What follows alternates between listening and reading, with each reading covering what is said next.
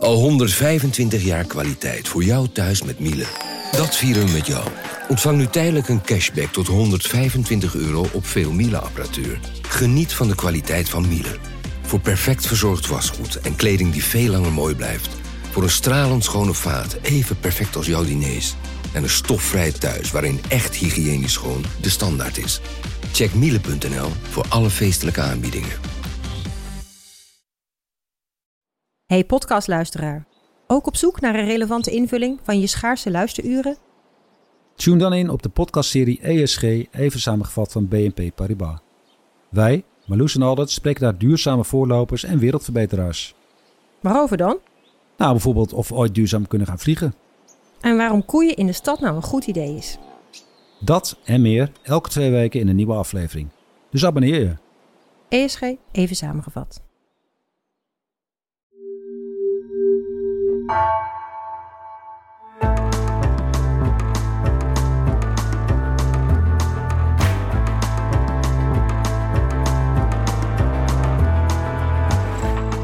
Welkom bij het uur. Of het nou Gaza was, of de politiek of de klimaatcrisis.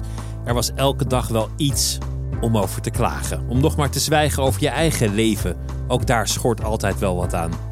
Als er één man is die zijn optimisme niet heeft laten verdampen, dan zit hij nu tegenover mij. Roué Verveer, de Nederlands-Surinaamse comedian, heeft er een ware leer van gemaakt. Gelukkig zijn is geen kwestie van geluk hebben. Deze maand staat Roué op de podia met een nieuwe kerstshow. Laten we eens kijken of hij de boel aan het einde van dit jaar toch nog een beetje weet op te beuren. Welkom bij het uur met Roué Verveer.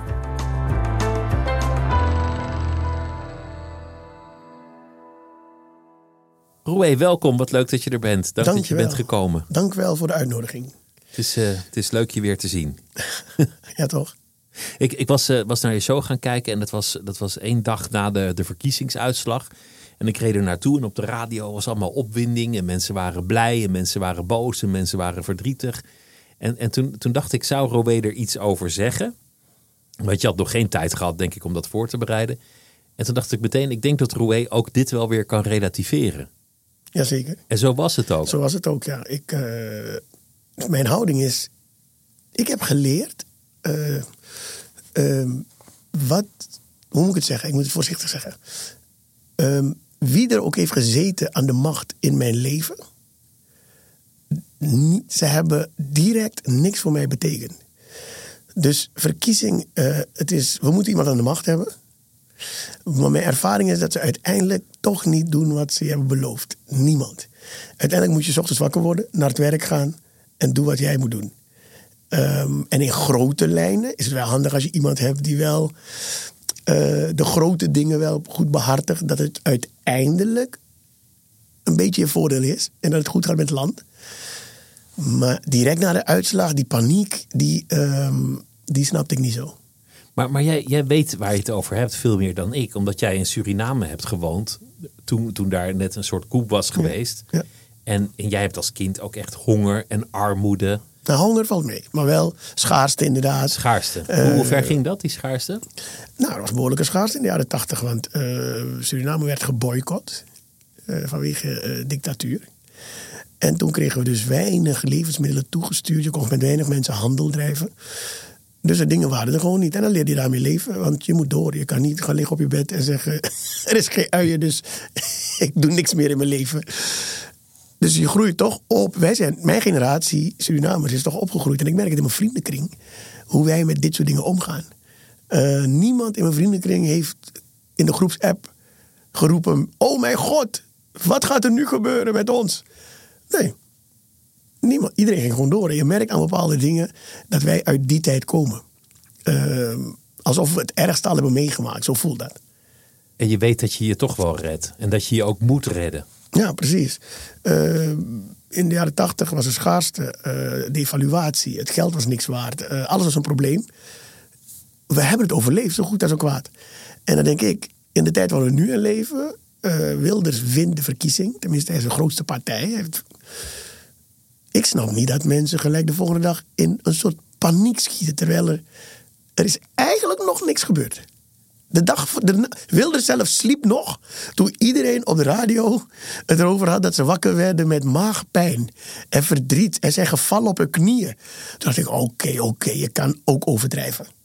Maar dat is het wonderlijke. Je wordt wakker met, met, met paniek, maar dan kijk je uit je raam en dan is eigenlijk alles hetzelfde. En je koffiemachine doet het nog en, en, en je vrouw ligt er nog en je kinderen zijn er nog en, en je auto doet het nog.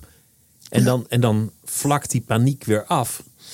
Maar het valt mij op dat, dat, dat er de hele tijd paniek is. Dan weer is het klimaatverandering, dan weer is het Oekraïne, dan weer is het de, de Gaza-crisis, dan weer is het corona. Er is, er is altijd weer een nieuwe reden om wakker te worden in een staat van paniek. En ik ehm, word nooit wakker in een staat van paniek. Echt nooit? Nee, omdat ik, ehm, ik, ik zie deze dingen. Uh, ze zijn er. Ehm, ik weet dat er is. Af en toe uh, uh, volg ik het. Wat ik zeg, ik moet s'avonds naar een theater waar mensen zin hebben om te lachen. Dus wat dat betreft gaat mijn leven gewoon door. Er is altijd een reden om toch wakker te worden. Om op een gegeven moment te zeggen: Oké, maar ik kan er echt niks aan doen op dit moment. In plaats van wakker worden, elke dag in paniek en maagpijn. En terwijl je er niks aan kan doen, dan zie ik dus een leven vol maagpijn, paniek. En, want ik weet nog toen ik klein was dan uh, nieuws was een belangrijk ding. Want het was niet de hele dag. Nu krijg je de hele dag nieuws. Maar toen ik klein was, was er in Suriname om zeven uur of zoiets, of acht uur, was er een journaal. En dan moest iedereen stil zijn. Want dat is het belangrijkste moment van de dag. Want dan zou je nieuws horen en ook wat in de wereld gebeurt. En dit met de Gazastrook, en zo kan ik me als kind herinneren, was toen al aan de hand. En lang daarvoor al. En lang daarvoor. Dat, dat, dat, is al heel lang aan de hand. Dus ik, ik, ik hoop dat het een keer ophoudt voor iedereen. Maar als je elke dag om alle problemen in de wereld met maagpijn opstaat, dan ga je hele leven tot aan je dood. Waarschijnlijk ga je dood aan de maagpijn. En ik weiger dat. Er zijn ook andere kanten van het leven uh, die ik dan liever opzoek. Terwijl ik weet dat het andere er is, ga ik een soort van op zoek naar toch nog die mooie momenten. Ik weiger te roepen, de wereld is. Deze, mensen zeggen, ik wil geen kinderen krijgen in deze wereld. Dan denk ik, mijn moeder in haar wereld was ook niet beter. waren ook oorlogen. Als zij had geroepen, ik wil geen kinderen, was ik er ook niet. Dus uh, is, is hoe jij naar de wereld kijkt. Ja, mijn ouders zijn geboren in de Tweede Wereldoorlog. Nou, als zij hadden geroepen. en die zijn toch maar geboren. In deze wereld wil ik geen kinderen neerzetten. Dan denk ik, oké, is de wereld echt zo slecht? Willen we niet ook kijken naar de mooie dingen van de wereld? Als je, als je jou volgt op social media, dan krijg je ook niet uh, wereldleed te zien. Nee, ik weiger, ik weiger uh, leed te delen. Um, ik stoor me zo aan mensen die. Kijk, tuurlijk kun je uiten wat je vindt van een situatie. Dat vind ik prima. Maar wat ik de laatste tijd zag, dat mensen zo ver gingen dat ze kinderlijkjes van de Gazastrook, dat ze dat alleen gingen posten. Dus niet een mening van, ik vind nou dat dit. Dan denk ik, oké, dan heb je iets erbij getypt. Maar het is letterlijk foto's plaatsen, niks zeggen erbij, enter. Dan denk ik, maar eigenlijk schap, uh, gooi je nu uh, dingen naar mij, gewoon kinderlijkjes. Daarvoor volg ik je niet. Daarvoor ben ik niet jou gaan volgen. Of je had moeten zeggen, volg mij, want ik ga, ik ga kinderlijkjes posten. Kijk, dan volg je met een doel. Maar ik volg je omdat ik je ken, ik wil weten wat je doet. Alles, ineens ben je alleen maar dat soort dingen. Die mensen, die, die heb ik gedempt, omdat ik nog respect voor ze heb. Dus niet ontvolgen, maar dat je het gewoon niet meer ziet. Nee, precies. Want, want, want, je neemt ochtends je koffie. Ja, maar wat, als ik het wil zien, zie ik het nieuws of zo. En als ik bij jou kom, wil ik weten, hey, hoe gaat het met... Uh... En dan staan er lijkjes van kinderen uit de Gazastrook. Niet eens een tekst erbij, niks. Dan denk ik, dus jij wil gewoon gooien. En dat is tegen mijn uh, uh, beeld wat ik heb van social media. Jij volgt mij omdat ik Roué de comedian ben. Toch? En jij brengt een lach. En ik breng de lach. Dus als bij mij kom je voor, laten we kijken, Roué is altijd vrolijk. Altijd. Als ik nou week in, week uit, elke dag alleen maar oorlogsbeelden en lijkjes van kinderen. En dan denk je ook, wacht even, maar hiervoor volg ik je niet. Daar volg ik het nieuws voor. Ik ga weg bij het nieuws om even bij jou te checken hoe, hoe het ook kan. Hoe leuk of alles. Jij zegt, Roué is altijd vrolijk? Ja. Echt altijd? Je hebt nooit een ochtendhumeur? Nee, zeker nooit chagrijnig? Nee, zeker niet in de ochtend. Nooit een rotdag? Nee, zeker niet de hele rotdag. Tuurlijk heb ik, heb ik ook momenten dat ik me even kwaad maak om iets of zo. Maar nooit te lang. Omdat um, we maken ons vaak kwaad over dingen. En als je goed en snel denkt, zie je dat er geen reden is om kwaad te worden. En dan ben je er zo vanaf. Um, mensen worden boos. Ik heb een keer in mijn show verteld. Mensen worden boos als er, ze komen aanrijden, file. En dan zijn ze die hele file boos. Er is nog nooit een file opgelost omdat de laatste persoon achter boos is. Het helpt gewoon niet. Het helpt niet. Dus dat bedoel ik. Ik kom ook aanrijden en denk ik, oh, ik had zo laat moeten. Oh, nou, dan bel ik die persoon, hey, ik kan er echt niks aan doen. Er is file, ik ben wat later. Meer kan je niet doen. En op het moment dat die persoon zegt, oké, ja, lastig, maar goed, is niet anders. Doe ik een muziekje op, ik bel iemand die ik lang niet heb gesproken. En dan moet je zien hoe snel dat uh, gaat. Maar je zegt een paar dingen die ik interessant vind. Eén is, vroeger hadden we dat journaal. Dan zaten we met z'n allen in Suriname bij elkaar. Nu begint het belangrijke moment, het nieuws. Dat belangrijke moment is nu de hele dag. Dat vergt discipline, want anders ben je dus de hele dag naar kinderlijken aan het kijken. En, en dan ga je een zwaar leven tegemoet. Ja, zal ik jou vertellen? Je kan nu in mijn telefoon gaan. Ik heb, wat zal het zijn? Gemiddeld, wat heeft de gemiddelde mens? 50 appjes, symbolen op hun telefoon. Niet één van mij heeft met nieuws te maken. Dus je, dus je kiest ervoor om dat niet te veel te volgen? Nee. Ik, ik, ik hoor wat ik moet horen. Ik zit, in de, ik zit in de auto. Bijna elke dag rijd ik naar een theater toe. En dan heb je van die stations die om het half uur even een nieuwsupdate hebben. Dus om het half uur hoor ik het belangrijkste. Want ik neem aan dat zo'n redactie maar drie minuten heeft. dus ze hebben echt het belangrijkste. Die moeten kiezen. Ja, die hebben de selectie al gemaakt. Voor mij. Dus ik hoor precies wat ik moet horen. En de rest hoor je wel. Je, komt het wel te weten. Als je scrolt op je Facebook, is er wel altijd wel toch wel zo'n gesponsorde nieuws. Uh, die toch, of iemand, een van je vrienden zegt: Wauw, check dan wat ze hebben. Zo blijf ik een beetje op de hoogte. Maar om de hele. Ik ken mensen die je praat met ze. En dan horen ze ineens op hun telefoon. Zip, zip, zip, hebben ze van die pushberichten.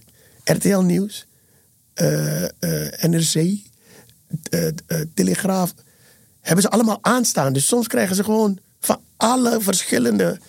Hoeveel nieuws? Hoe vaak je hetzelfde horen? En die mensen kijken s'avonds weer het nieuws. Je hele dag heb je het al gezien. Ga je s'avonds nu van iemand anders nu hetzelfde horen? Ik, ik heb het thuis. Mijn vrouw is zo één die alles wil. Ik, ik ben klaar. En ik heb ook tegen gezegd, je hoeft het meer niet te vertellen. Want ze willen dan met, die mensen willen ook met je bespreken. Dus ze zijn obsessief met nieuws. En willen het met jou bespreken. En ze willen het delen. Ik heb gezegd, niet doen. Maar die zullen tegen jou zeggen, is, is het niet ja, egocentrisch of oppervlakkig om alleen maar je eigen leven te leven en, en niet de hele dag met de wereld bezig te zijn? Dit is wat er gebeurt. Mijn vrouw wordt wakker, pakt haar telefoon en ik hoor...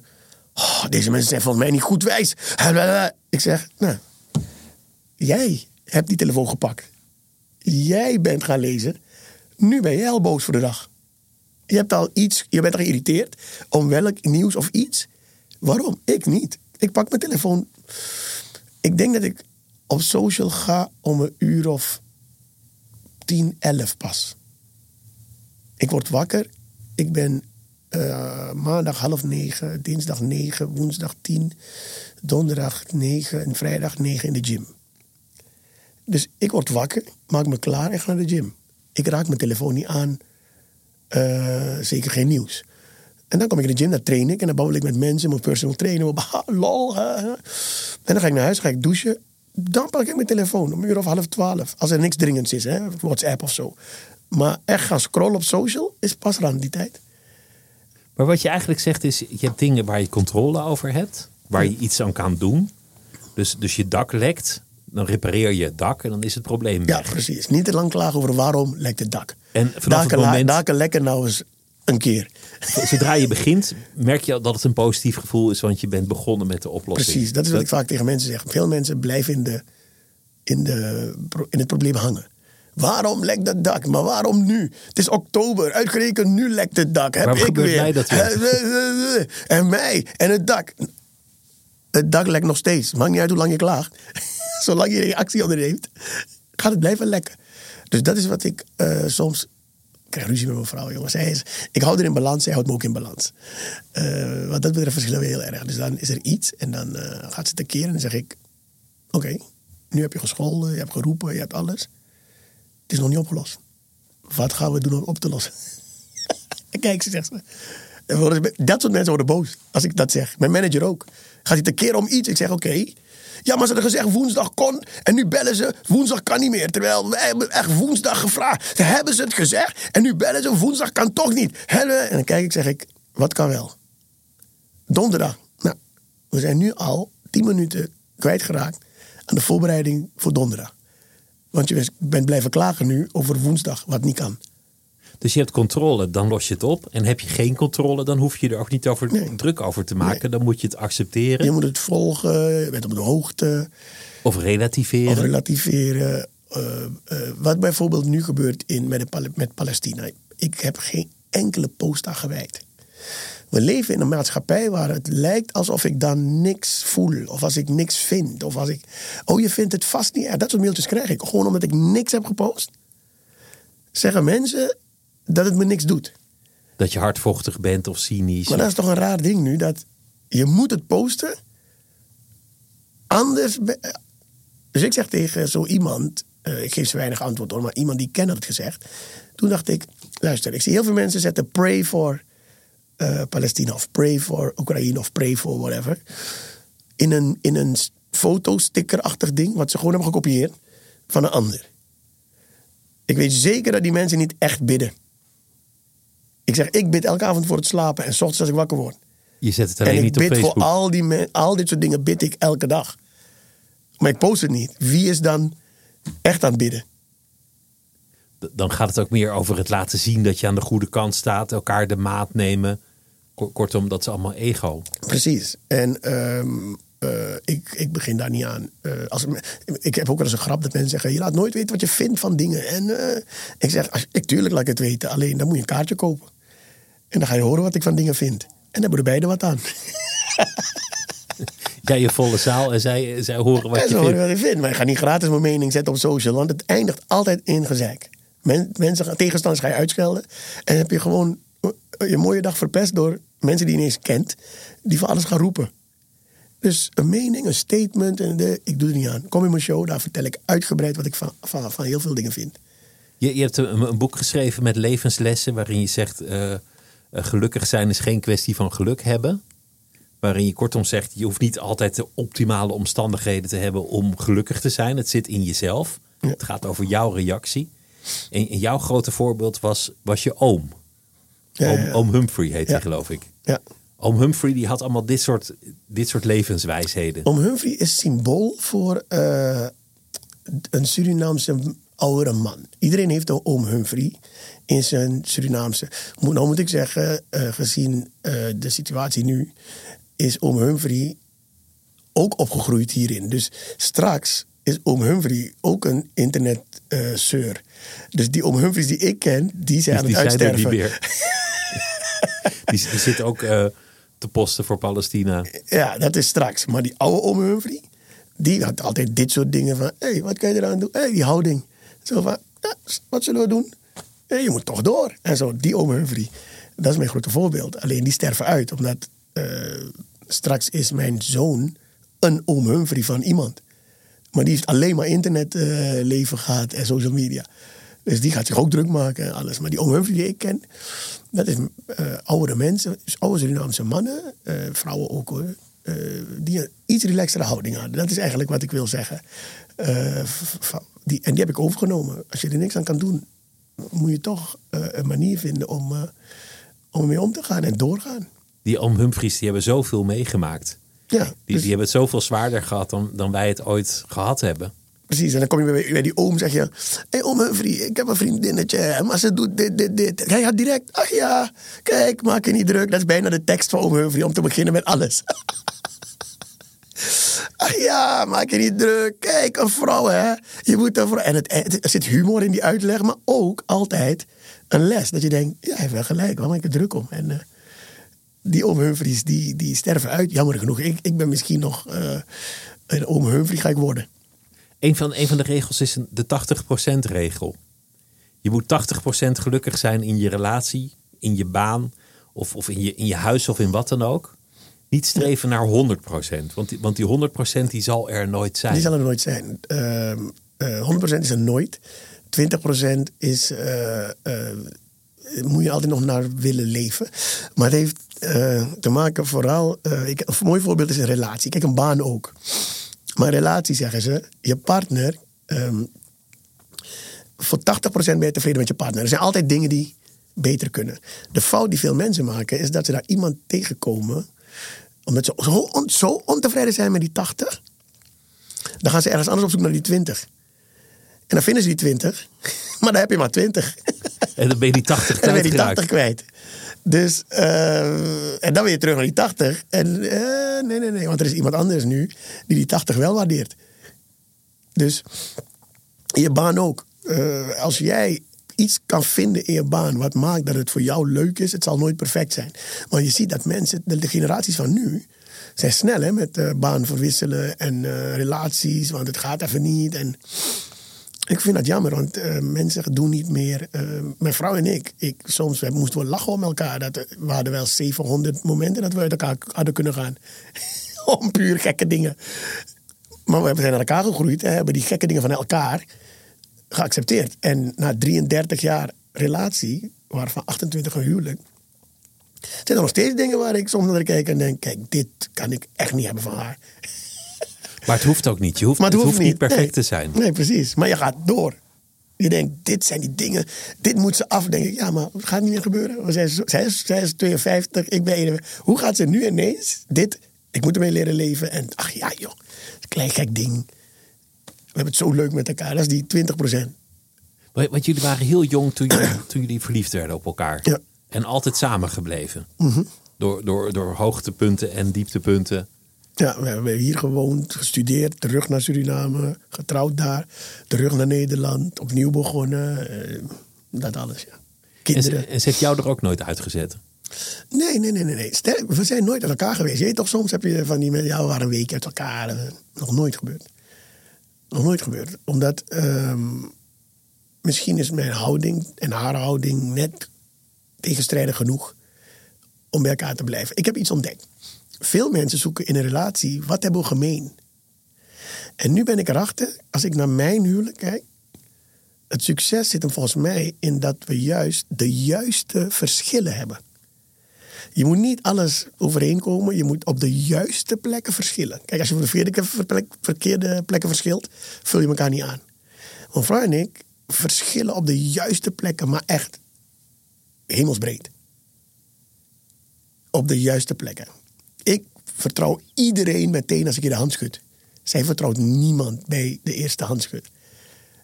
En dat maakt samen het goed. Want ik zou misschien heel veel eh, vaak worden opgelicht of wat dan ook.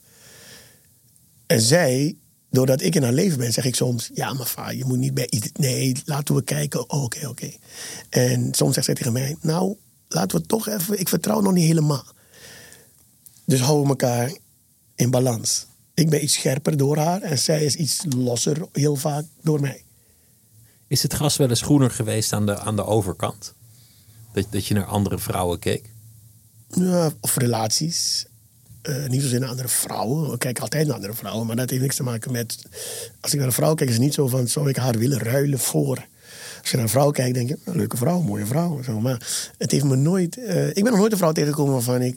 eh, zei van, oké... die wil ik... Dat, is zoveel beter dan... Nee, ben ik niet tegengekomen. En ik was er ook niet naar op zoek. En ik denk dat dat, dat de fout is die eh, wij mensen onderling maken ook. En misschien ook in relaties. Dat als jouw man een andere vrouw leuk vindt, als in, mooie vrouw hoor, goed, dat de partner meteen denkt, hij wil mij ruilen. Of omgekeerd, hè, als een vrouw, dat de man denkt, hij wil mij ruilen. Nee, het kan ook zijn dat, dat ze iets ziet wat misschien jij niet hebt, waarvan ze denkt, maar dat vind ik wel leuk aan hem. Wil niet zeggen dat ze jou meteen gaat ruilen voor, eh, als het goed is, toch? Ja, jij zou ook niet jaloers zijn als, als jouw vrouw ineens zou zeggen... nou, die, die, die nieuwe buurman, dat is wel een knappe man.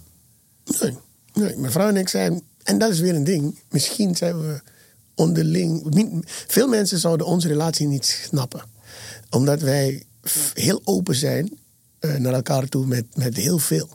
eh, dingen die anderen misschien niet zouden durven zeggen. Grappen die ik maak over mijn vrouw, en dat is niet nu ik comedian ben, heb ik altijd gemaakt, ook als tiener. Niemand durfde dat. Niemand durfde dat. Dat, dat, dat. Heel vroeg in de relatie dat ik al kon zeggen van... Uh, Farah weet niet, hè. Maar als, als, als ze moeilijk doet, die daar... Die, in de tienerjaren en zo zijn meisjes heel jaloers en dat soort dingen. Maar ik kon bij haar altijd, altijd dat grapjes maken. En ze zei altijd, yeah, right. Weet je wel. en ook andere soorten dingen en zo. Waar anderen zeggen, nou, als ik deze grap maak, ben ik helemaal... Ze wordt zo boos en alles, dacht ik altijd. Hm?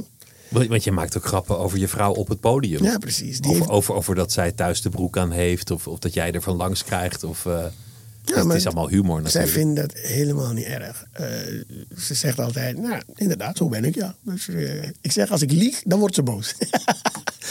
dus, maar een gek ding ook, hè. porno kijken, af en toe, of het komt voorbij of wat.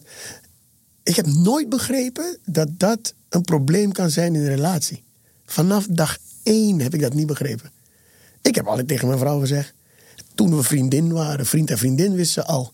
Hé, hey, mijn broer heeft, uh, heeft drie pornoboekjes thuisgebracht van een vriend. Want natuurlijk in Suriname was het niet zoveel te krijgen en alles. Dus altijd was er één vriend die een boekje had. Die leende het aan een andere vriend. En zo ging het rond. En als het bij mijn broer was, ging ik ook al even toe kijken. vertelde ik ook aan haar direct. En mijn broer heeft, uh, heeft pornoboekjes. Was gisteren aan het kijken.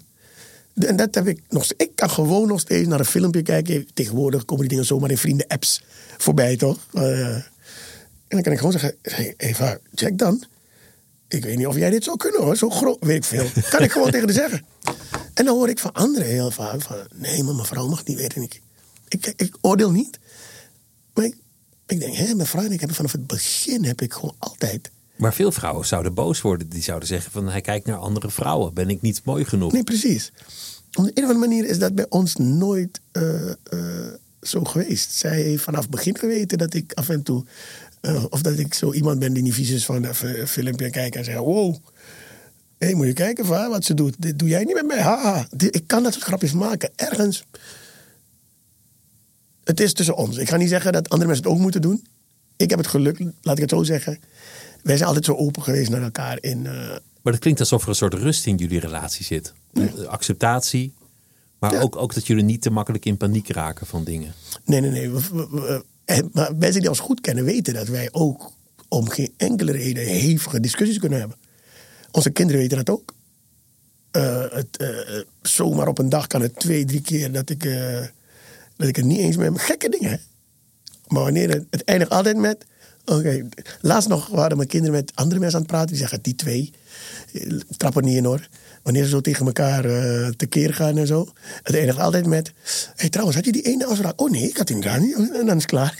Ineens is het afgelopen. Ineens is het afgelopen. Enorme ruzie ja. en ineens is het voorbij, niet eens opgelost. Ja, we noemen het niet eens ruzie. Het is gewoon een hoogoplopende discussie. Hij is niet eens met mij. Ik, en, en dan is het even stil en dan zit...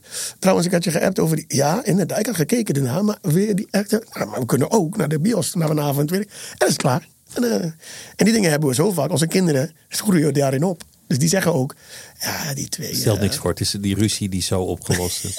wat, wat, ik zo wonderlijk vind in jouw leven is, is dat je uh, toen je klein was een grote droom had om grondsteward te worden. Ja, ja, ja. nou niet, dat, eens, dat, niet eens als, was dat je als tiener, droom? denk ik. Als tiener? Iets ouder dan tiener, denk ik. Maar ik, ik vind het zo'n mooie droom.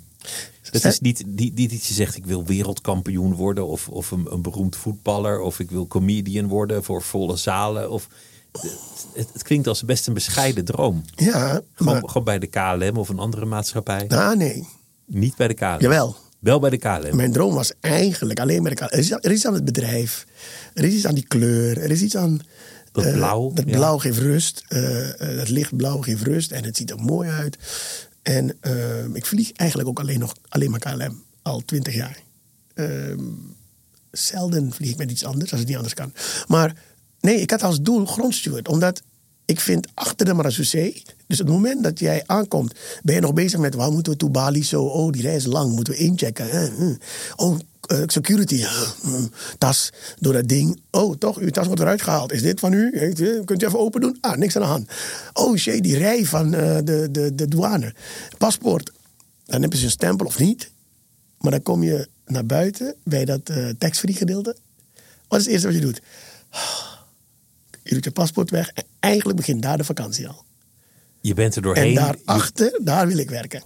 Daar is iedereen, om welke reden ook, altijd wel blij, gezellig. Die sfeer is een wereld op zich. En daar wilde ik grondsteward zijn. Dus je doet een, een vlucht naar India. Hi, tuut, have a nice flight. Ik het ook met die. Ik zag hem al helemaal met. Ik was nog geen comedian, maar ik was wel altijd eh, vrolijk en gezellig en ik hield wel van. En dan dat afsluiten, bye bye, pilootgroeten, weet ik veel hoe het werkt. En dan snel naar een gate en dan doe je ineens een eh, Panama. En dan weer andere mensen. En, en, en ah, ik, ik praat erover. En eigenlijk, die droom is er nog steeds. Eigenlijk zou je dat nog willen. Wat ik nu doe, is er tussen gekomen. Ik heb tegen mijn vrouw gezegd, eh, ik wil bij de KLM werken. en Zo, toen zei ze, dan moet je dat wel solliciteren. Want er was advertenties, zoeken mensen of zo. Toen zei ik, ja, maar ik wil ook een comedy één jaartje fulltime proberen. Want ik had nog nooit fulltime gedaan. Kijk hoe dat is. Dan kan ik, kan ik nooit zeggen, had ik maar of... Zij zei, is goed. Heb ik een jaartje comedy gedaan. En toen ging het goed. En toen dacht ik, nou, het voelt nog niet af. Ik moet nog een jaartje. En toen heb ik het verlengd. En eigenlijk verlengd, dat zeg ik steeds. Ik verleng het nu al, eh, ik verleng het nu al 20 21 jaar. Maar elke keer als ik op Schiphol ben. En ik zit daar te wachten en ik zie iemand mijn werk doen. Denk ik, ik wil echt nog dit een keer doen. Maar ik heb weer een seizoen staan, dus ik moet dat nog even afmaken. Dat, dat Het voelt ook- als een soort, eh, dit zit ertussen. Ik ben op weg naar uiteindelijk mijn droombaan. Dat, dat moet ook een beetje spanning van, van, van, je, van je eigenlijke baan afhalen. Zo van, oh, wat als mijn succes ophoudt? Oh, wat als de mensen me niet meer willen zien? Wat als mijn inspiratie is opgedroogd? Al die stress die vang je af, omdat je denkt, er is altijd nog Dat dat is, andere plan. dat is ook waarom ik die droom moet blijven houden. Want ik zie in mijn omgeving, ze zeggen eh burn-out, eh, depressie, zit in het cabaret heel hoog qua percentage. En ik heb inderdaad mensen, succesvolle mensen ineens, cancelt het hele seizoen vanwege eh, burn-out. Denk ik, hè? Je wilde dit worden, nu ben je het en je hebt succes. En nu heb je depressie. Ik weet niet hoe het werkt, maar Misschien door de druk. Precies. En gelukkig, ik heb deze druk niet. Want ik wilde dit niet doen. Dat is geen droom die uitkomt, hè, wat mij nu overkomt. Ik had nooit gedroomd van een cabaretcarrière. Nee, ik had een baan. En toen ging ik toevallig, kwam ik een Najib tegen en zo. En die hebben mij erin gesleept. Elke keer met tegenzin, doe nog één show. Nee, nee, nee. Ja, te gast. Oké, te gast. Ging ik weer naar mijn werk. En toen, eh hey, wil je bij Comedy Train in het weekend een beetje komen spelen? Want je kan het wel goed. Ik zeg, oké, leuk. Dan heb ik een baan. En een leuk weekend. Hoe cool is dat? Dus je hebt een baan en elke vrijdag en zaterdag ben je in de club met comedy bezig. En met comedians en publiek. Ik dacht, dit is het tot mijn dood. En toen ik van die eh, dagbaan, zeg maar, wilde veranderen, heb ik gezegd, ik ga bij de KLM. En toen heb ik gezegd, maar wacht even, even een jaartje. eh, dit. Wat het is, is inderdaad, ehm, ik denk nog steeds, als dit niet lukt, ik, ik, ik doe dit tot het niet meer kan, had ik gezegd. Nou, dan ga ik lekker eh, bij de KLM werken. Ik, ik, ik, eh, misschien daarom heb ik geen, geen druk. Ik voel geen druk. Zou, zou je het geld missen of het succes? Hecht je aan dat soort dingen? Waars- ik, ik hecht niet, maar het is menselijk dat je op een gegeven moment een aantal dingen gewend bent. En als dat niet meer kan, dat het anders is. Alleen ik denk dat als het nu komt, dat mevrouw en ik, eh, denk ik, genoeg eh, voorzieningen en maatregelingen hebben gedaan. Dat het niet een terugval hoeft te zijn financieel tot aan, tot aan nul. Maar ik, eh, het zal wel minder zijn, maar, maar, maar ik zal zoveel plezier hebben. En Weet je wanneer ik het wil? Wanneer ik toch al zal stoppen. Toch? Stel voor, ik zou toch al stoppen. Als je, als je met soort van pensioen zou ja, gaan. want ik wil geen, eh, met alle respect, ik ben groot fan, maar Joep van het Hek, zo lang door en zo, dat zie ik mezelf niet doen. Maar misschien had hij het ook gezegd ooit. En uiteindelijk, dus ik, ik, ja. ik sluit het niet uit. Dat weet je Maar niet. dat is niet in mijn planning. Dus er komt een moment dat ik zeg, zo, ik vind het eh welletjes, dat getoer en alles en zo. Is misschien dan een moment dat ik, eh, misschien, weet je dat karretje dat je rijdt zo, met oude mensen, naar de gate. Misschien dat is iets voor mij. Want dan ben Wat- ik met ik- mensen bezig. Kom op mensen, we gaan even een ritje maken. Oh, ik zou het echt leuk maken voor die mensen. ik zie dat Ik helemaal vind, voor ik vind dat beeld zo leuk van. Dit is een soort plek waar je even niks hoeft. Ja. Dus je gaat, naar, je gaat naar het vliegveld en dan heb je stress. Oh, ik moet op tijd zijn, straks mis ik mijn vlucht. Dan, dan heb je een lange rij. Verdorie, waarom is die rij zo lang? En, eh, je zei, jij zei toch dat je het paspoort had? Ja, ik, had het paspoort. eh, oh, spanning. En dan, dan is daar even een moment, dat is tijd die is gratis. Ja. Want, want het vliegtuig komt niet eerder dan het komt. Je hoeft nergens heen, dus, dus je bent eigenlijk een beetje aan het staren of, of aan het lezen of op je telefoon aan het scrollen. Wandelen. Gratis tijd. Ja, het is heerlijk, die achter daarachter. Ik, Net als eh, in een vliegtuig. Ja, Het vliegtuig komt toch pas over acht uur aan en jij hangt ergens boven de lucht. En die tijd, je kan doen wat je wil. Heeft geen enkele zin om gestrest te zijn van vliegers door. nee, nee, nee. Doen ze toch niet? Nee. Ik vind dat Gratis tijd, geweldig. heerlijk Ja. is dat. Misschien file, is, file zou je ook zo kunnen zien. maar misschien is dat dus... Nu denk ik, terwijl ik hier zit, denk ik ineens... Misschien is dat mijn hele leven. Misschien is die plek symbool... voor hoe ik het leven zou willen hebben. Voor iedereen, zeg maar. Maar zeker voor mezelf. Die vrijheid, geen druk, geen haast, geen druk, geen, stress. haast. Nou, Iedereen vriendelijk naar Hier elkaar. en nu. dat vind ik ook belangrijk. Vriendelijk naar elkaar en, en elkaar leuk vinden en eh, niks vinden van elkaar ook. Ehm, ik heb een cruise gemaakt vorig jaar. Voor het eerst van mijn leven. Een Caribische cruise vanuit eh, Orlando naar een paar plekken. Op de cruise heerst precies die sfeer. Er waren, mm, een grote cruise, zeven, de grootste ter wereld was het op dat moment. 7000 mensen aan boord. Zo. En voor mij was het de eerste cruise. Maar cruise mensen hadden me al verteld. Het is helemaal die sfeer. Ik zei, ja, maar we kennen elkaar niet en zo. Nou, er gebeurt iets. Op het moment dat die boot gaat varen... Mensen uit Arkansas of waar dan ook. Je komt naar de lift, ze houden het voor je open. Hey buddy, how you doing today? Thank you. Ah, having fun on the cruise? Yeah. Mensen uit China, hi, how are you? En zo. Hier op straat zou niemand uit China mij aanspreken zomaar.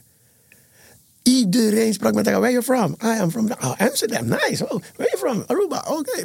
China. I can say, my name is Bob. Uh, Iedereen praat met elkaar. Een totaal relaxed sfeer. Een gezellig. Oh, no, no problem. You can go up front. I don't care. I don't, eh, toen dacht ik, dit is mijn leven. Ik moet op een cruise leven. Vanwege die relaxedheid. Dat iedereen even denkt, ach nou ja, het is nou Er eenmaal is zo. één doel ook. Iedereen weet, hier- we zijn hier, reden 7000. met om plezier te hebben. Ja. Gek hè? Terwijl diezelfde man uit Arkansas, als ik daar in Arkansas zou lopen, misschien had hij nooit naar me gekeken, me aangesproken en zeker niet de deur opengehouden. en nu op die cruise met hij, hi buddy, no problem, I keep, yeah, how are you? Iedereen met elkaar. Zoveel nationaliteiten, iedereen praat met elkaar, voorrijding. Je komt er, oh, oh no, sorry, I'm sorry. No, no, no, no, you can go, go ahead, no problem. Maar wat brengt eigenlijk die stress in onze samenleving? Wat, wat, wat is het? Is dat de, de concurrentie, de competitie, de schaarste? Is het, is het de haast? Is het eh, tegengestelde belangen? Wa- Wat maakt eigenlijk dat, dat iets van die mentaliteit niet kan overleven zodra er andere doelen zijn? Ja, ik weet het niet. Ik weet het niet. Het is de maatschappij waarin we leven. En ik, wacht even, ik keur de maatschappij ook niet af. Hè, want eh, wat je merkt is, iedereen zegt ja, in Nederland, eh, dat geren begint weer en dat gehaast. Kijk maar naar, en dan eiland.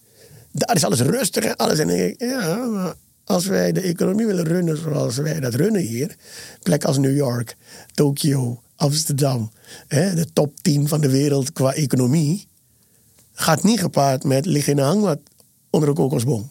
Er moet er wel Dus een beetje dat is gerend wel- worden. ja. Er komt Dus- ook wat voor terug. Ja, dus wat wil je? Eh? Die mensen die daar hangen zeggen, daarom blijf ik hier hoor, ik kan niet met. Ja, ik heb hier een ondergrondse metro. Ik ben met zeven minuten hier gekomen. Ik heb eh, eh, een trein naar, eh, België als ik dat wil. Ik kan vrijdag wakker worden en zeggen, hey, schat, ik zie mijn agenda, we zijn het weekend vrij. Zullen we vanmiddag met de trein naar Antwerpen gaan en gewoon even een dagje slapen of zo? Dan kun je op je internet en zeggen, ja, de trein vertrekt zo laat, bla, bla. Heeft een prijs. Dat, dat, dus dat, dat moet je ook wel. Ja, alles heeft een prijs. Je, je schrijft ook in je boek van geld heeft pas waarde als je het besteedt. Ja. Dat vond ik zo mooi. Ja. Zo van, van, je kan een bedrag in je hoofd hebben, maar dat is ja, een paar cijfertjes. Wat zegt het eigenlijk? Maar pas als je het omzet in een cruise Ja. of, of, Of weekend Antwerpen, Of een kopje of, koffie ergens op het terras of wat. dan heeft het waarde en wordt het een herinnering en, en bestaat het. Ja. Echt. En anders zijn het cijfers. eh, je denkt toch niet dat die papieren ook echt zo op de bank liggen in je rekening. Nee, het zijn cijfers op een computer. Dus ook al heb je 400 miljoen staan op je rekening. Als je niet die ene reis maakt. Als je niet dat kopje koffie drinkt. Als je niet dat eten doet in het ene restaurant waar je altijd had willen. Heb je er niks aan. Eh, dat is hoe ik geld zie. Eh, het is een soort backup dat je weet, ik heb wat op de rekening staan. Maar waarom is de rekening? Zodat ik eh, leuke dingen kan doen. Of rekeningen betalen is ook een beetje eh, leuke dingen doen. Mensen zeggen het is niet leuk, maar als ik het licht aan doe, ben ik blij. Ja, die rekening komt niet zomaar Nee, meestal. als ik het licht aan doe, ben ik hartstikke blij. Warm water. Je hoeft niet te overdrijven met de rekening. Onnodig. Maar je moet het betalen. Dus dat heeft allemaal te maken. En daarom leef ik met het moet. Je moet die dingen toch betalen. Dus je kan even denken... Oh, het is wel rot wat ze doen hoor. Het beleid zorgt ervoor dat dit hoger wordt of wat dan ook. En dan moet je er wat aan doen. Dat het niet... En dat is stemmen, zeggen ze dan. Je laat je stem horen tegen hoge prijzen, tegen... Maar ook dat geloof ik niet meer. Want ze zeggen allemaal, we gaan dit doen, dit doen, dit doen. En het gebeurt niet. En uiteindelijk, als ik warm water wil, zal ik toch die hoge prijs moeten betalen. Het is een soort raar ding wat je toch bij jezelf moet te raden gaan. Maar om de hele dag erover te klagen, heeft, gaat je gezondheid eh, niet ten goede eh, komen.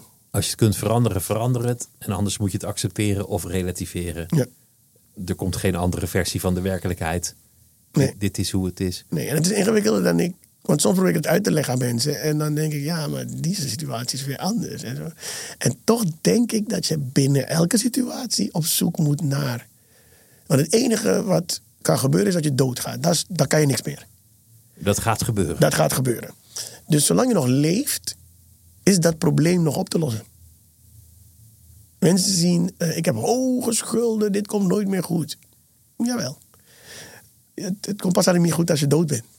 Dus als jij tegen een persoon zegt, hey, ik wil je graag terugbetalen, of de bank of weet ik veel, maar ik heb, en zeker in Nederland, als, zij zeggen, als jij zegt, ik heb 50 euro per maand over om je te betalen, zijn er instanties die zeggen, oké, doe maar 50 euro per maand. Dan is er weer een last van je schouder. Je moet alleen voor zorgen dat die 50 euro er staat. Maar om te roepen, die schuld is er en geen stappen ondernemen, dan is het een probleem. En de eerste stap is al een, een bevredigende stap. Ja, Je, je, je schrijft over vriendschap van, alsof het een voetbalteam is. Zo van, van je- je beste vrienden, dat zijn jouw sterspelers. Eentje zit in de dugout, die, die staat reserve. Eentje die moet verdedigen, eentje moet scoren.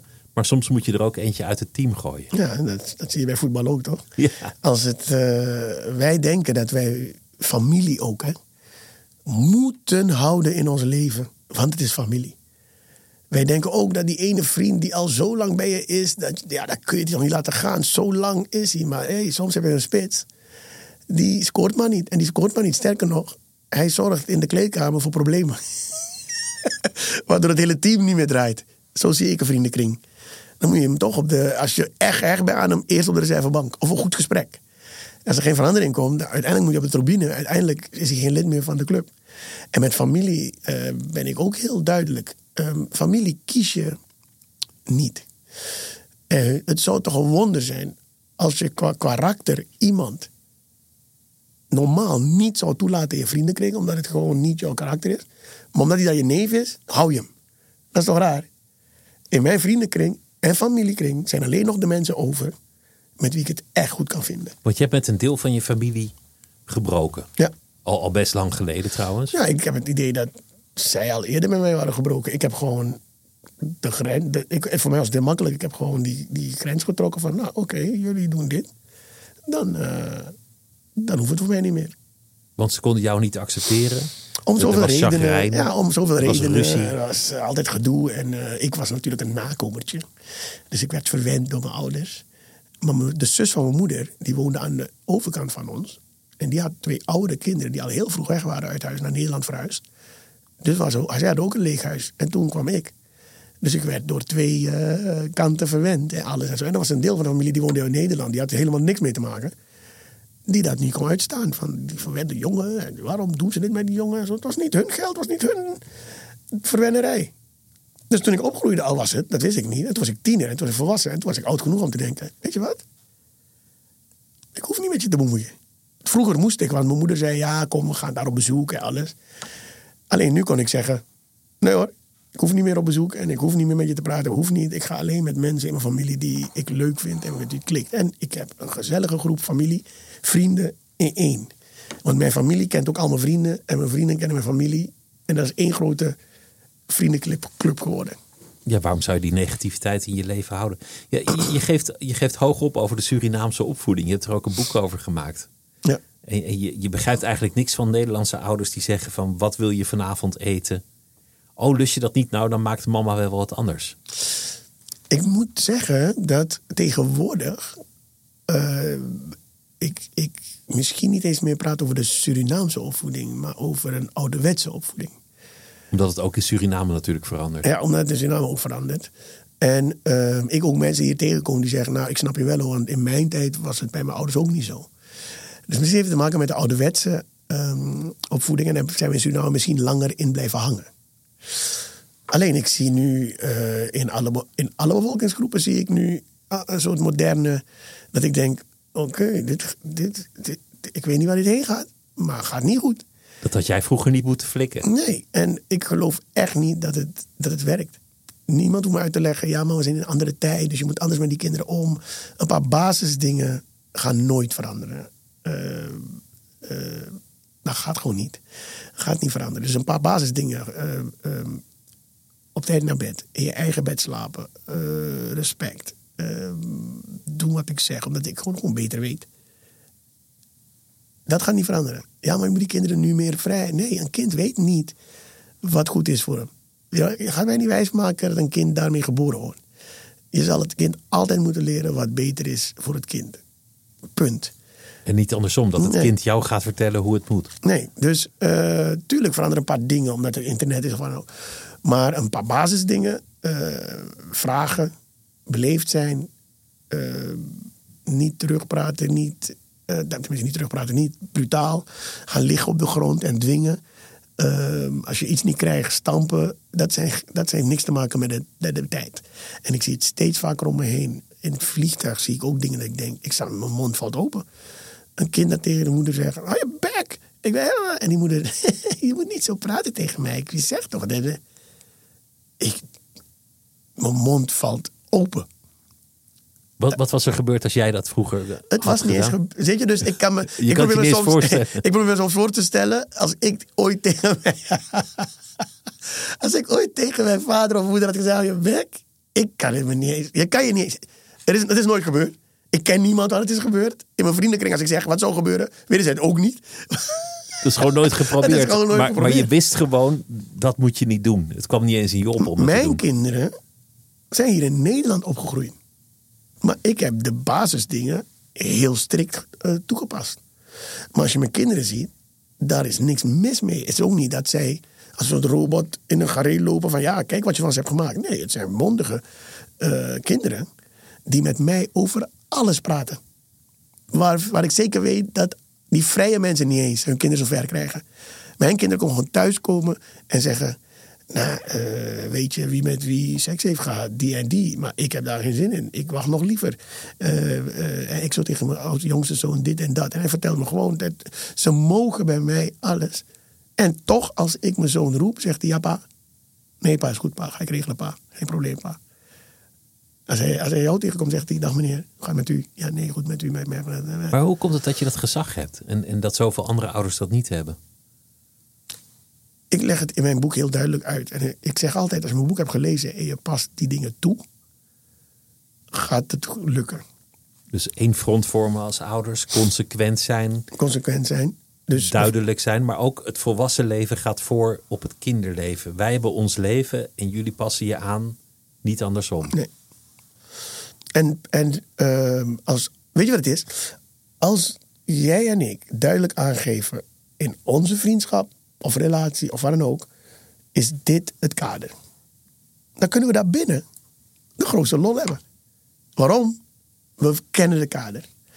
En ehm, wat gebeurt nu met de tegenwoordige opvoeding, zie ik, dat mensen de grenzen niet aangeven. Dus het kind kent de grenzen niet. Wat je dan ziet is, wanneer het wanneer er op gelegenheden zijn en het kind misdraagt zich, dan zeggen die ouders ineens: Wat heb ik je geleerd? Nee, dat doen we niet zo, hè? Wat heb je geleerd? En dan kijk ik, denk ik, ja, dit kind helemaal niks geleerd. Nu weer, omdat wij erbij zijn. Ineens zijn er regels. Ineens zijn de regels. En het kind denkt: Ik heb geen idee waar je het over hebt. Je hebt helemaal niks Je geleerd. hebt helemaal niks geleerd. Ik weet. En dat is dus niet aan de hand bij ons geweest. We hebben altijd aangegeven, vrij snel. eh, nee, dit, nee, dit mag niet. Een kind probeert altijd, toch? En dan moet je altijd zeggen: nee, nee, nee, dit mag niet. Dat wel. Dit niet. Dat- Dus, dus eigenlijk kaders geven vrijheid. Als er kaders zijn, dan heb je daarbinnen veel meer vrijheid dan wanneer er geen kaders zijn. Wanneer, dan wordt alles ongemakkelijker, wordt het, wordt het zoeken. Dat, dat geldt misschien ook wel voor de samenleving als geheel. Ja. Want, want nou ja, op het terrein van de humor, heel veel humor kan niet meer. Of, of mensen zijn heel benauwd.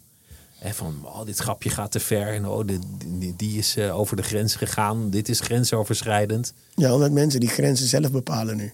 Dat is het probleem. Dingen zullen grensoverschrijdend blijven zijn, omdat ik jouw grenzen niet ken. Ik kom jou vandaag tegen en dan zeg ik bijvoorbeeld: Oh, dat zie je er mooi uit in dit jurkje. Eh, Voor mij is het een compliment. Maar ik weet niet waar haar grens ligt.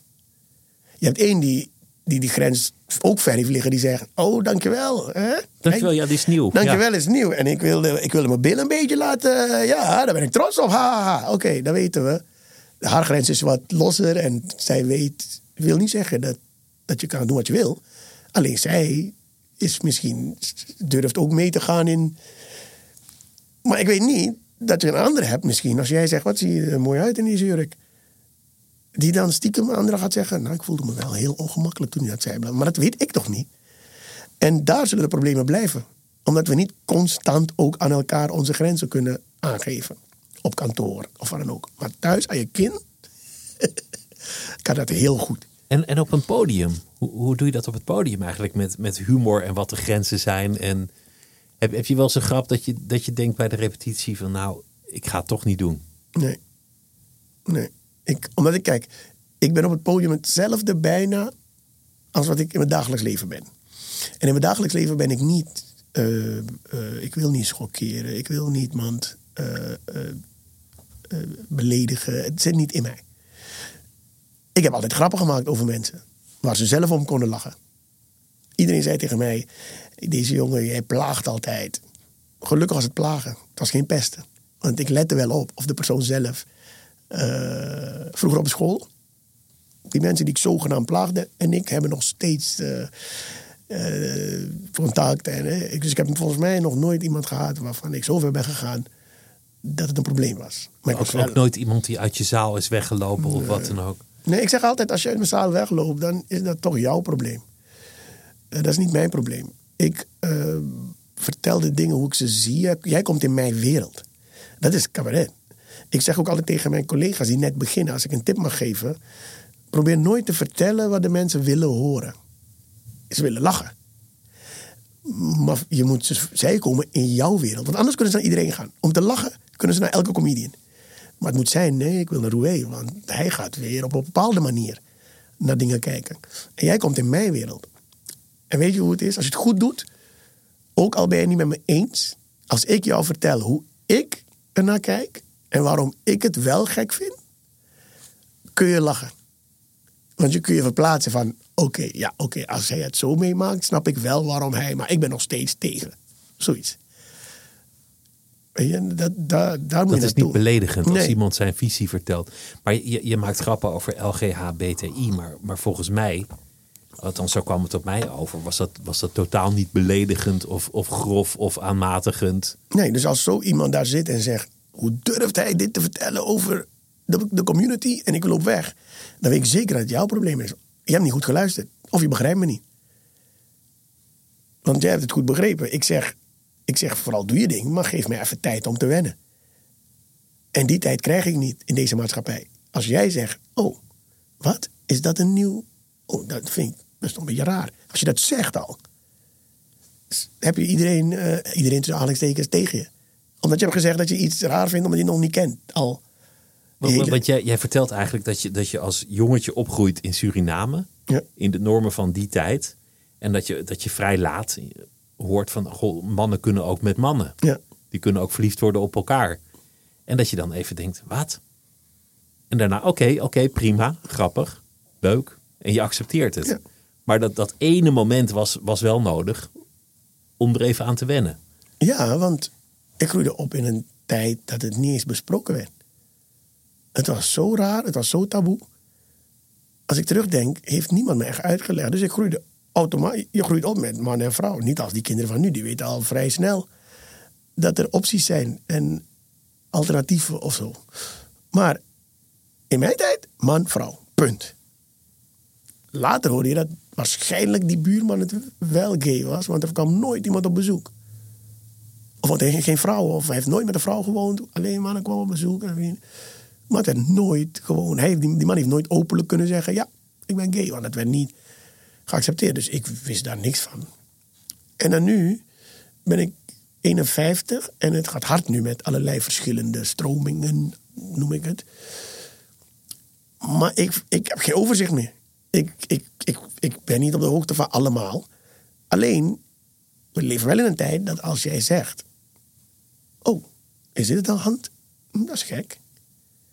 Is klaar, hè? Dan ben je... eh, Dat, dat mag niet meer. Dat, nee. dat is ook gewoon deel van ouder worden. Je bent boven de 50 en, en het gaat over heel veel dingen dat het ineens anders is. ja. Je hebt niet de laatste gadget op je telefoon, want je hebt er nog niet van gehoord. Nee, maar als, jij het, als je er wat van vindt of als je vragen stelt of zo, eh, zeker over de community, word je meteen gezien als anti. En daar heb ik problemen mee. Of als je niet openlijk laat zien dat je voor, voor bent, Dan zou je wel tegen zijn. dan zou je weer tegen zijn. En dat, dat vind ik een probleem. Hoe, hoe ga je trouwens sowieso om met, met ouder worden? Oh, prima joh. En dat je, dat je voorbij de 50 bent, ja, je, je ziet er fitter uit dan ooit. Ik heb het nooit een probleem gevonden. Ik kon niet slapen de nacht voor ik 40 werd. Ik wilde zo graag 40 worden. Ik wilde, eh, ik, ik, ik, ik leefde naar 45, 50. Ik dacht, wauw, ik word 50. Yes! Weken ervoor was ik al ermee bezig. Ik word 50. Omdat je wordt het toch. is Je weer kan zoiets. Het zijn twee opties. Of je bent dood of je wordt 50. Ja, en ik word 50 en ik word het toch, als het goed is. Waarom? Zijn, ik heb gelezen dat mensen depressief, serieus depressief zijn, omdat ze ouder worden. Dus niet wat wij gewoon roepen zo van, ik word er depressief van. Niet die. Niet de uitdrukking, maar echt depressief. Van ouder worden. Dat las ik ergens, en zoveel procent. Ik denk, oké man, want je wordt het toch, snap je? Dus dan heb je echt een probleem. Het heeft niet zoveel zin om, om je er tegen te verzetten. Nee, dus, dus ik zit helemaal in die, in die je wordt het toch, dus eh, maak er het beste van. En als je knieën het niet meer doen wat, wat ze tien jaar geleden deden, zo be it. Nou, dan gaan we niet meer springen, toch? Van een, dan pakken we gewoon de treden. Eh, als, als mijn technicus tegenwoordig zegt, wil ik even komen? Dan sprong ik vroeger van het podium. En de laatste keer dat ik dat deed, ik weet niet hoeveel jaar geleden had ik door. Oké, volgens mij moet ik dit niet meer doen. Want dan ging ik door mijn knieën en ik had moeite. Oké, dan- nu ga je eerst zitten op het podium. En dan zo langzaam. En zo dat langzaam eraf. Wel, als dat het is, dan is dat het toch? Ja, je bent er nog. Dat is het belangrijkste. Ja, dus ik, ehm, nee, ik heb helemaal geen probleem met ouder worden. Ik eh, moet wennen wel aan, hè, dat, is, dat is altijd dat je, je merkt, hé, dit kan niet meer, dit. Oké, cool, dan kan het niet meer. Nou, dit kan wel. Ik, eh, ik heb meer rust in mijn leven, ik heb meer ervaring. Ik kan... Nee, ik heb daar niet zo'n probleem mee. Hey, en je gaat een kerstshow doen. Ja. En, en groter en meeslepender dan ooit Ja, wordt ik- het. Dit, is de, dit is de derde keer. Ik, ik ben groot kerstliefhebber, als kind al. Weer vanuit mijn... eh, want veel mensen denken dat het alleen te maken heeft met de kerstboom en de lichtjes en zo. Nee, er is een diepere eh, eh, reden. Los van de christelijke reden die ik natuurlijk verhuisd heb meegekregen. Kerst viel me al heel jong op. Is de tijd dat mensen inderdaad ineens wel lief zijn tegen elkaar. Ineens eh, gaan we aan de arme mensen kerst geven we dingen weg. Eh, ik weet in de, straat had je een buurman op nummer 14, die kon niet goed vinden met de buurman op nummer 12, eh, 12 bijvoorbeeld. Maar rond kerst, dan was het ineens, ach ja, weet je, let bygones bygones, Merry Christmas. Toen had ik als kind al snel door van, dit is wat ik wil. Ik hou niet van spanningen eh, tussen mensen of wat dan ook. Dus die twee weken in kerst kan het wel. Maar ik had ook door, in januari, februari is het weg toen dacht ik, oké, dus met kerst kan het. Dus begon ik naar kerst toe te leven. Als die tijd kwam, dacht ik, ja, weer een leuke tijd. Iedereen weer met elkaar en we gaan mensen helpen. En dus heb ik een soort van onthouden dat kerst het enige is wat... Kerst is de enige tijd dat mensen mij gaan geven wat ik eigenlijk het hele jaar door wil. Ik heb ook geaccepteerd dat ze me niet het hele jaar door gaan geven. Die, dat, dat heb ik opgegeven. Dus ga ik genieten extra van de kersttijd. Daarom maakt de kersttijd mij zo blij. Ik leef wel op die manier het hele jaar door. Altijd leuk met mensen, nooit mensen zomaar beledigen of ruzie. Ik kan er tegen. Eh, vrijgevig als het nodig is. En, dus ik doe wel mijn dingen het hele jaar door alsof het kerst is. Maar ik heb nu door dat mensen het grootste deel me het alleen gaat geven rond die twee weken. Dus kerst was voor mij altijd belangrijk. En toen had ik een. Er werden zoveel kerstshows hier gedaan. Ik werd nooit gevraagd. Terwijl iedereen al wist via social dat ik kerstliefhebber nummer één was. Er was een grote show in, in, in Single, nooit gevraagd. Volgend jaar weer, nooit gevraagd. En de mensen die ik zag, hadden het nooit over kerst. Maar omdat ze, weet ik veel, misschien commercieel interessanter zijn, krijgen zij wel die rol in kerst. Dat vond ik oneerlijk. Dus ehm, heb ik op een dag tegen mijn manager gezegd. Ik werd wakker vanochtend en ik dacht, ik leek wel gek. Hij zegt, wat is er? Ik zeg, ik heb dus twee, drie jaar, misschien wel vier jaar lopen wachten. Tot iemand mij vraagt om in zijn kerstshow te zijn. Ik leek wel gek. Ik werd vanochtend wakker. Ik denk, nee man. Ik moet mijn eigen kerstshow doen. Dan kan ik het doen hoe ik het wil, hoe ik het zie. Met comedy. Zij doen geen comedy. Zij doen geen sketches. Zij doen geen uh, gekke dingen. Dat kan ik alleen. Het is mijn kerstshow. Bam, het was een plan. Hebben we het in 2019 voor het eerst gedaan. En toen was het één show uitverkocht. Meervaart bellen. Heb je die middag ook vrij? Ja. Tweede show uitverkocht. Heb je, heb, je, heb je zondag ook? Ja, zondagavond uitverkocht. Heb je zondagmiddag ook? Zondagmiddag uitverkocht. Vijf keer in een weekend. Hadden we niet verwacht. Want mensen zeiden, dit is een kerstshow zoals we het nog nooit hebben gezien. Met stand-up. Uh, meezingen. Ik heb een meezing ding. Ik heb een groot scherm dat naar beneden komt. En dan gaan we karaoke doen met een live band. Dus niet een apparaat, een live band. Waardoor ik het kan stoppen en zeggen: hé, hé, hé. Jongens, ik had gezegd, jullie mogen vals zingen. Maar oké, okay, wat deze meneer doet. U alleen. Nee, nee, nee. Oh, en door. Dus die gekkigheid kan ik maken. Uh, er is een kerstman. Uh, ik zeg niet wie in dat pak zit. maar die komt het jaar doornemen en pakt een paar hoogtepunten die hij als kerstman interessant vond. Dus heeft hij een stukje nieuwjaar, oudejaars in de kerstvorm. Uh, gekkigheid. Het is gewoon één grote gekkigheid. Ik heb dansers, danseressen, live band, alles. En je haalt ook geld op voor het goede doel. Voor, het goede voor, doel. voor de voedselbanken. Ja, voor de voedselbanken. Uh, dus, maar toen, kwam, toen dachten we, bam, we kregen aanbiedingen van andere theaters. Kun je het bij ons volgend jaar uh, exclusief doen? Tien keer bij ons. Wij veranderen het hele theater in Roeverveer, Kerst, of Very Funny Christmas. Toen kwam corona. Hebben we twee, drie jaar niet kunnen doen. Dus vorig jaar, 22, hebben we het weer opgepakt. Toen was het weer een succes. Dat hebben we hem zes keer gedaan. Nu uh, belden theaters uit het hele land. Dus nu doen we hem twaalf keer. En voor 24 is ook al geboekt, want die theaters willen niet te laat zijn. Dus A Very Funny Christmas wordt wel een dingetje. En uh, het is niet zo groot als Ziggo Dome. Ik denk dat mensen dat juist leuk vinden. Dat het toch nog persoonlijk is. Dat ik als een soort ik sta er en je kan me aankijken en ik kan je aanspreken. En dus A Very Funny Christmas is echt heel leuk. Het ik, wordt leuk. Misschien vind ik het nog leuker dan het publiek. Zo, zo erg is het. Je verheugt je erop, ik ja, zie ja, het aan je. En mijn hele gezin doet mee. Hè? Mijn zoon is DJ. Als je binnenkomt, rij, als je binnenkomt dan staat hij voor het doek. Kerstliedjes te draaien. Uh, praat ook met mensen die binnenkomen. de hele sfeer. Uh, mijn vrouw en mijn jongste zoon staan bij de deur. Hebben dezelfde kleding aan mensen te ontvangen. Uh, en mijn schoondochter die gaat dit jaar afstuderen aan de HBO Lucia Martas, de dansopleiding. Dus die is vanaf vorig jaar geheel verantwoordelijk voor de dansers. Uh, choreografieën maken, oefenen met ze, kleding aanschaffen, wisselmomenten. Samen met de, nauw met de band samenwerken. Zij recruteert de dansers en de danseressen. En stuurt een factuur naar, het, naar de productie. Fantastisch. Dus uh, dat vind ik ook leuk. Dat we met 12, we gaan dit jaar 12 shows doen. In, nee, 14 shows in 12 dagen. Dus dat wil zeggen, we zijn elke dag met elkaar on the road. Dat, ik verheug me zo. Want normaal toer ik alleen, toch? En nu toer ik met een band. Drie man productie, drie man techniek, productie, familie. Ja, ik bedoel, dansen, danseressen, alles. Elke dag, twaalf dagen lang met elkaar in een theater. En mijn hele gezin is erbij. Dus dat maakt het voor mij het jaar ook nog eens een keer heel erg gezellig af. Klinkt als hard werken, is het ook. Maar omdat het samen is, de hele dag in, we zijn de hele dag in theater met elkaar. Samen eten in de kantine, gezellig, even een uurtje rust voor de show. Babbelen met elkaar, gezellig. Eén grote, gezellige, wat voor mij ook allemaal kerst is. Het, komt allemaal. Feest. Ja. Dankjewel dat je langs wilde komen. Het was een groot plezier om met je te praten. Graag gedaan. En, uh, ik wens je vast een heel mooie kerst en een uh, Inscheleid. Oh, nieuwjaar. Dankjewel. Dat was het uur voor deze week. Volgende week is er een nieuwe aflevering. Het uur wordt gemaakt door Mira Zeehandelaar. Productie en techniek Sjanne Geerke. Mijn naam is Pieter van der Wielen. Tot volgende week.